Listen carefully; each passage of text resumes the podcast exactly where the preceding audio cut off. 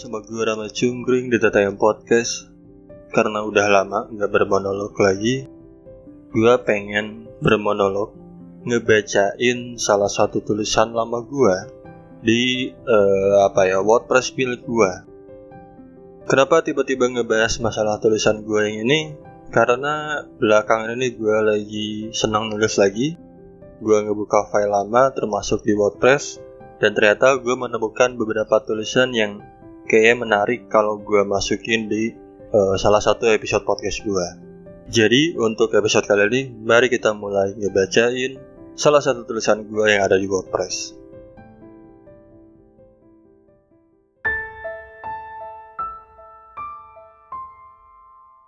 Datang dan pergi. Di akhir bulan Maret pada 8 tahun yang lalu,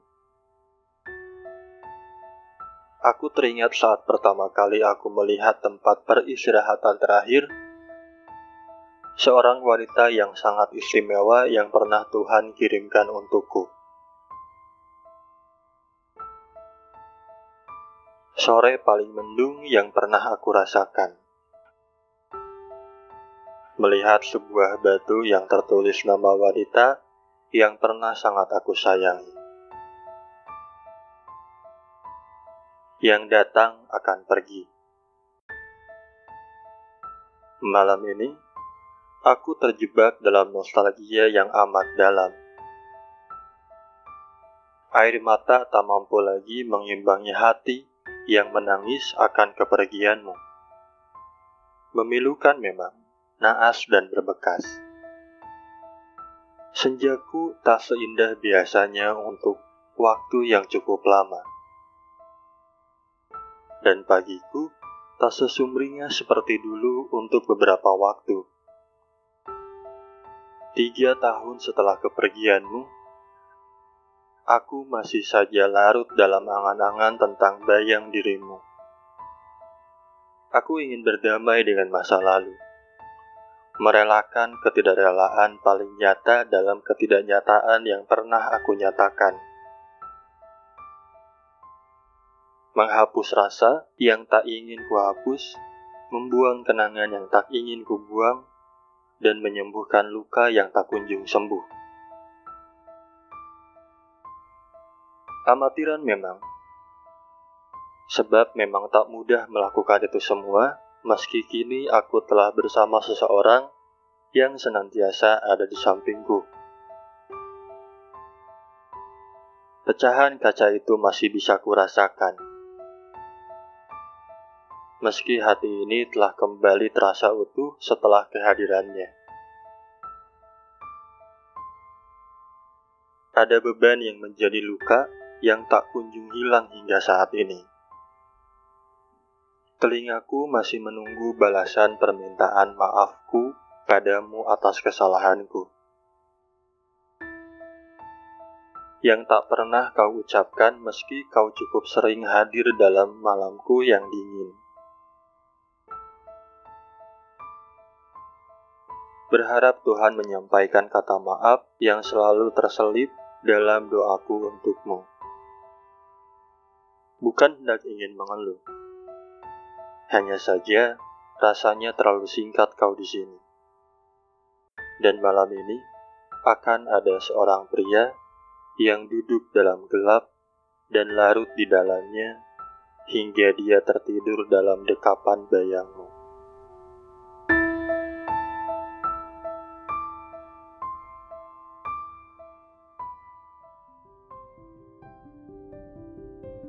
Tulisan ini berjudul Datang dan Pergi. Dua tulis lima tahun lalu, tepatnya tanggal 24 Maret 2017. Dan dalam tulisan ini ada sepenggal kata yang gue ambil dari salah satu buku Wiranagara. Judul bukunya itu Distilasi Alkena. Dan kata-kata yang gue ambil di sini adalah Aku ingin berdamai dengan masa lalu, merelakan ketidakrelaan paling nyata dalam ketidaknyataan yang pernah aku nyatakan. Kenapa gue mengambil kata-kata itu? Karena itu kayak kata-kata yang pas untuk menggambarkan uh, situasi dalam tulisan ini. Jadi lima tahun yang lalu, gue bikin tulisan ini beberapa hari setelah gue uh, ngelayat atau berkunjung ke makam almarhumah yang namanya Dian. Kalau misalkan lu bertanya-tanya Dian ini siapa, sebetulnya pendengar gue yang udah ngikutin dari lama kayaknya akan tahu Dian ini siapa. Karena gue pernah ngebahas atau gue pernah bikin episode khusus mengungkapkan rasa penyesalan gue pada saat itu sekaligus uh, mengucapkan permintaan maaf Judul konten dari episode itu adalah Intuisi Maaf. Kebetulan itu kolaborasi bersama uh, podcast Abjad Tersirat Mbak Yunita. Gue meminta Mbak Yunita untuk mengucapkan kata-kata yang pernah dia ucapkan buat gue pada saat itu ketika almarhumah tahu ternyata saat itu gue terjebak dalam lingkaran setan. Ini cerita lama banget, Kejadiannya 13 tahun yang lalu, sekitar 2009. Pada saat itu gue lagi terjebak dalam lingkaran setan dan gue akhirnya ketahuan sama almarhumah bahwa gue ada di sana. Yang tahu hanya beberapa, salah satunya Dian, tapi orang tua nggak tahu karena pada saat itu uh, itu adalah tahun yang sama di mana gue baru benar-benar tahu kondisi keluarga gue yang sudah bercerai. Jadi hanya Dian yang tahu orang terdekat gue. Orang tua nggak tahu bahkan sampai detik ini karena buat gue udah nggak penting lagi mereka tahu. Toh pada hari ini gue udah benar-benar pulih. Gue sudah benar-benar jauh dari dari lingkaran setan itu. Dan pada saat itu juga mereka nggak tahu pertama karena memang sengaja gue tutupin. Kedua karena pada saat itu orang tua gue lebih banyak menghabiskan waktunya untuk kerja Mungkin untuk selanjutnya gue akan menceritakan lebih detail bagaimana situasi pada saat itu ya. Karena mungkin kalian akan bertanya-tanya kenapa orang tua gue sampai nggak tahu gitu. Tapi mari kita kembali ke tulisan ini lagi. Jadi keadaannya seperti itu pada saat itu akhirnya almarhumah tahu. Almarhumah mengucapkan kata-kata yang gue sampai sekarang masih ingat benar gitu. Kata-katanya e, seperti apa? Karena Kata-kata itu menggambarkan kekecewaan dari almarhumah terhadap gua.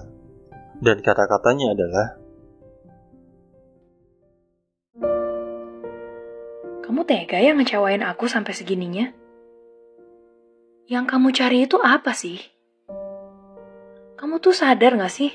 Kamu itu cuma memperburuk keadaan kamu sendiri. Aku tahu kondisi kamu. Tapi yang gak kayak gini lah caranya yang kamu pikir itu membawa damai atau bahagia, ternyata sama aja kan? Kayak bunuh diri. Kalau kamu ngerasa sendiri, terus buat apa aku di sini? Buat apa? Aku tuh sayang kamu. Aku peduli sama kamu. Kenapa sih kamu tuh selalu pilih cara yang nggak seharusnya kamu ambil? Kamu nggak sayang sama aku? Atau mungkin lebih tepatnya, kamu nggak sayang sama diri kamu sendiri?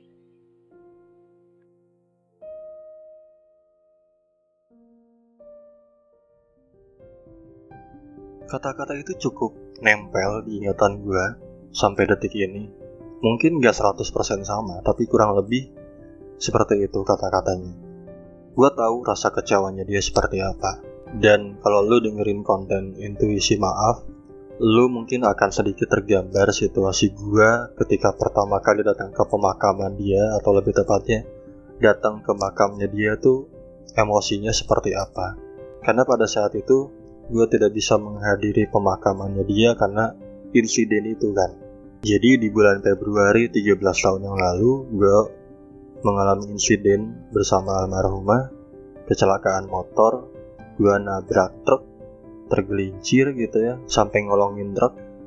Ketika gua sadar, sempat sadar gitu ya, guanya selamat. Kecepatan motor menyelamatkan gua karena kaki gua keseret sama motor, ketindih sama motor, akhirnya gua terselamatkan gitu. Walaupun walaupun badan bagian kiri itu memang luka semua tapi ketika gue ngeliat ke arah truk, ternyata almarhumah tidak selamat gitu.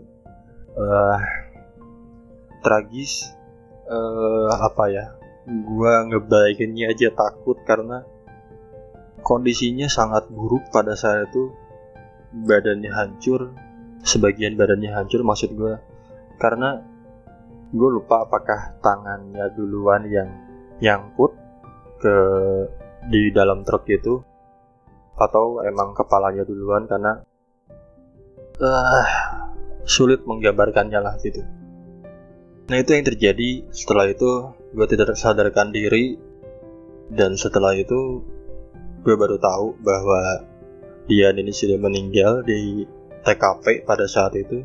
Dan ketika gue datang ke makamnya tuh gue memang sangat menyalahkan diri gue sendiri. Bahkan selama bertahun-tahun gue masih menyalahkan diri gue gue tahu akan ada orang yang bilang itu bukan salah gue tapi saat itu gue merasa itu salah gue karena ada insiden itu karena gue ngebut bawa motornya akhirnya terjadilah kecelakaan itu. Dan akhirnya almarhumah harus lebih cepat meninggalkan dunia ini. Gue berpikir bahwa kayaknya kalau tidak ada insiden itu almarhumah masih ada sampai sekarang walaupun gue tahu besar kemungkinan mungkin gak akan sama gue gitu. Tapi gue cukup lama kurang lebih lima tahun. Bahkan di tahun-tahun awal ketika gue berusaha untuk dekat sama yang lain gitu ya gue tuh sampai mencari nama yang sama yang fisiknya nggak terlalu jauh beda. Sampai tiga kali. Tiga nama dengan nama yang sama Dian. Sampaiannya puncak-puncaknya gue digampar di depan umum karena dia merasa gue berusaha berusaha banget membuat membuat dia itu sama kayak almarhumah. Padahal gue tahu tidak seharusnya gue melakukan itu sama orang lain. Di situ gue baru sadar bahwa ya udah memang almarhumah sudah tidak ada tapi gue masih menyalahkan diri gue sendiri pada saat itu. Bahkan ketika beberapa hari sebelum tulisan ini dibikin, gue kan sempet ke makamnya. Rasa sedihnya gue, nangisnya gue, itu hampir sama banget kayak pertama kali gue datang ke makamnya. Kenapa gue sesedih gitu? Karena pada saat itu gue ngerasa ini orang bisa dibilang satu-satunya yang menemani gue dalam titik terendah gue. Karena pada masa itu memang gue mungkin gak benar-benar sendiri, tapi gue ngerasanya sendiri. Sampai akhirnya gue terjebak dalam lingkaran setan yang sebetulnya bukan dijebak sama orang lain, tapi lebih tepatnya karena emang gue yang menjerumuskan diri gue untuk ada di sana. Dan penyesalan terbesar tuh sebetulnya ya penyesalan terbesar gue pada saat itu atau kekecewaan gue pada saat itu adalah dia tidak benar-benar melihat gue ini sudah berhasil pulih gitu. Dia tahu perjuangannya seperti apa.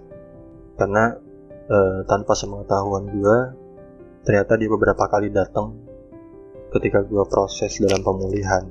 Tapi gue nggak tahu saat itu itu sih yang bikin gue sekecewa itu terhadap diri gue sendiri. Karena gue ngerasa ini orang tuh ada buat gue waktu itu. Cuman guanya tidak membuka mata. Gue menolak mengakui bahwa gue ini gak sendiri sebetulnya. Jadi ya buat gue tulisan ini masih sespesial itu karena karena pada saat itu gue benar-benar menulis dari hati dan apa yang lebih ke? Gue nggak tahu sih. Kalau gue tidak pernah melewati itu semua apakah gue ada di sini sekarang atau enggak? Karena keadaan itu ngasih pembelajaran banyak buat gue entah itu tentang peduli terhadap orang-orang yang uh, sebetulnya ada buat kita. Tapi kadang-kadang kita nggak sadar kita kita kadang-kadang kita nggak ngerasa kita lebih sering ngerasa bahwa kita ini sendiri. Dan banyak gitu. Tadi bilang kan dalam tulisan itu bahwa gue udah sama orang lain.